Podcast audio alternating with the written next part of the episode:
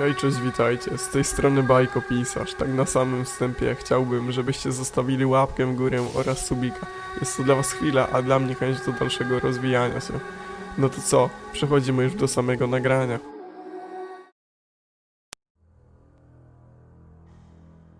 Od kiedy skończyłem szkołę, ciągle jeżdżę po świecie i odwiedzam różne ciekawe miejsca.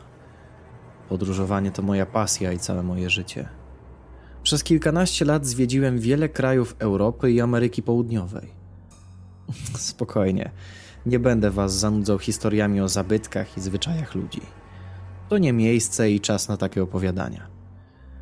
Wędrując tak po zakątkach świata, widziałem różne rzeczy i przeżyłem ciekawe, czasami niewyjaśnione historie. Jedną z nich chciałbym Wam dzisiaj opowiedzieć. Latem 1994 roku postanowiłem wyruszyć na kolejną wyprawę. Tym razem obrałem za cel Portugalię i miasto Chaves, leżące na północy tego pięknego kraju. Spakowałem ubrania, zabrałem portfel, dokumenty, wsiadłem do samochodu i ruszyłem w podróż. Zaplanowany dwutygodniowy urlop zamierzałem całkowicie poświęcić na zwiedzanie kraju położonego na zachodnim wybrzeżu Półwyspu Iberyjskiego. Wiedziałem, że dojazd na miejsce zajmie mi kilka dni i zapewne po drodze będę musiał gdzieś przenocować. Wyjechałem rano po śniadaniu około godziny 10 i pierwszy postój zrobiłem po 10 godzinach jazdy. Byłem gdzieś na granicy Czech i Austrii, w jakimś małym miasteczku, którego nazwy teraz nie pamiętam. Wiedziałem, że muszę znaleźć nocleg, ponieważ na zewnątrz powoli robiło się ciemno, a ja nie lubię jeździć samochodem w nocy. Nagle zauważyłem przydrożny znak. Tablicę z napisem Motel Ramps 5 kilometrów. Po drodze znalazłem sklep, w którym zrobiłem zapasy. Pracownicy sklepu dziwnie się na mnie patrzyli. Chyba poznali, że jestem nietutejszy. Mała mieścina, pewnie wszyscy się tu znają, pomyślałem. Zadowolony dojechałem na miejsce i marzyłem tylko o kąpieli i czystym łóżku. Motel jak motel. Przydrożna noclegownia z podjazdem i parkingiem, maksymalnie na 10 aut. Wszedłem do środka i od razu po lewej stronie zauważyłem recepcję i młodą dziewczynę za biurkiem. Przywitała mnie uśmiechem i spytała, w czym może pomóc. Jako obieży świat musiałem znać chociaż podstawy kilku języków obcych. Austria to kraj niemieckojęzyczny, więc bez problemu poprosiłem o pokój z łazienką i telewizorem. Nic więcej nie potrzebowałem do pełni szczęścia. Mokrej wody i suchego łóżka.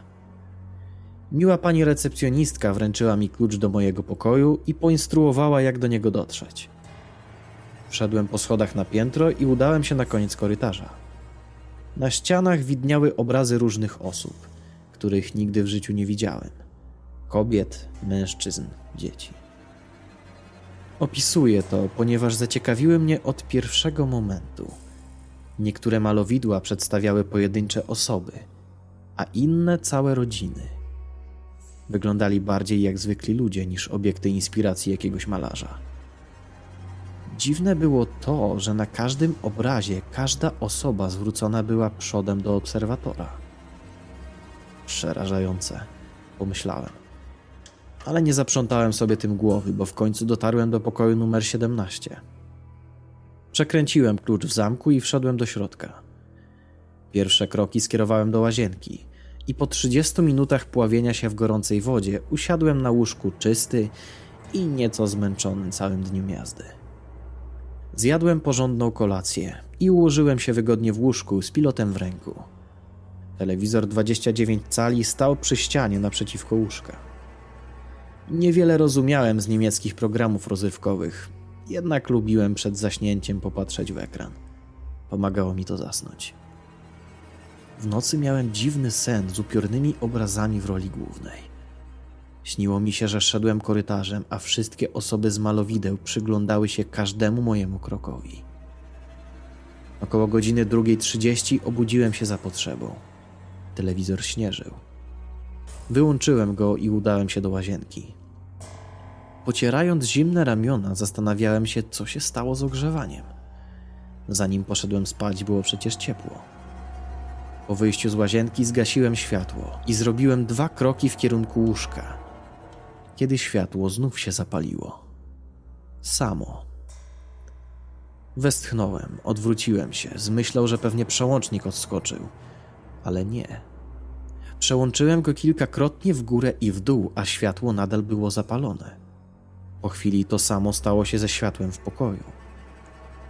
Samo istnie się zapaliło i nie mogłem go zgasić. Poszedłem zgłosić usterkę do miłej pani w recepcji, bo wiedziałem, że nijak nie usnę przy pełnym oświetleniu. Kiedy wróciliśmy oboje, w pokoju było ciemno, a włączniki już działały i ogrzewanie też. Dziwne, pomyślałem. I tłumacząc kobiecie, co zaistniało, wiedziałem, że patrzy na mnie, jakby wiedziała o co chodzi. Była trochę wystraszona i próbowała mi coś wytłumaczyć, ale mówiła za szybko i jedne co zrozumiałem to, że mogę opuścić motel, jeśli zechcę. Do rana zostało kilka godzin, a ja musiałem się jednak wyspać przed kolejną podróżą. Postanowiłem, że mimo wszystko zaryzykuję. Pożegnałem dziewczynę i udałem się z powrotem do ciepłego łóżka. Telewizor wyłączony, światła zgaszone, grzejniki ciepłe. Teraz mogę spokojnie zasnąć. Położyłem głowę na poduszce i odwróciłem w stronę okna. O mało nie wyskoczyłem z łóżka, kiedy spod materaca wysunęła się biała lodowata ręka, a zaraz za nią głowa z siwymi kręconymi włosami. Oczy miała całkiem czarne. Cała gałka oczna była kurde czarna. Spojrzała na mnie tymi ślepiami, a z pomarszczonych ust usłyszałem: Nie gaś mi światła.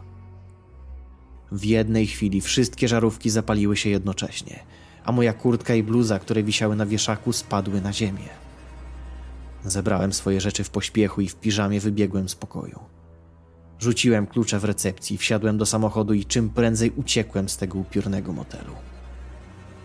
Nigdy nie zapomnę tego, co się tam wydarzyło. Powiecie, że to oklepane i oczywiste. Dla mnie to był szok. Nikomu nie życzę podobnych doznań w środku nocy. W nawiedzonym motelu na odległym pustkowiu.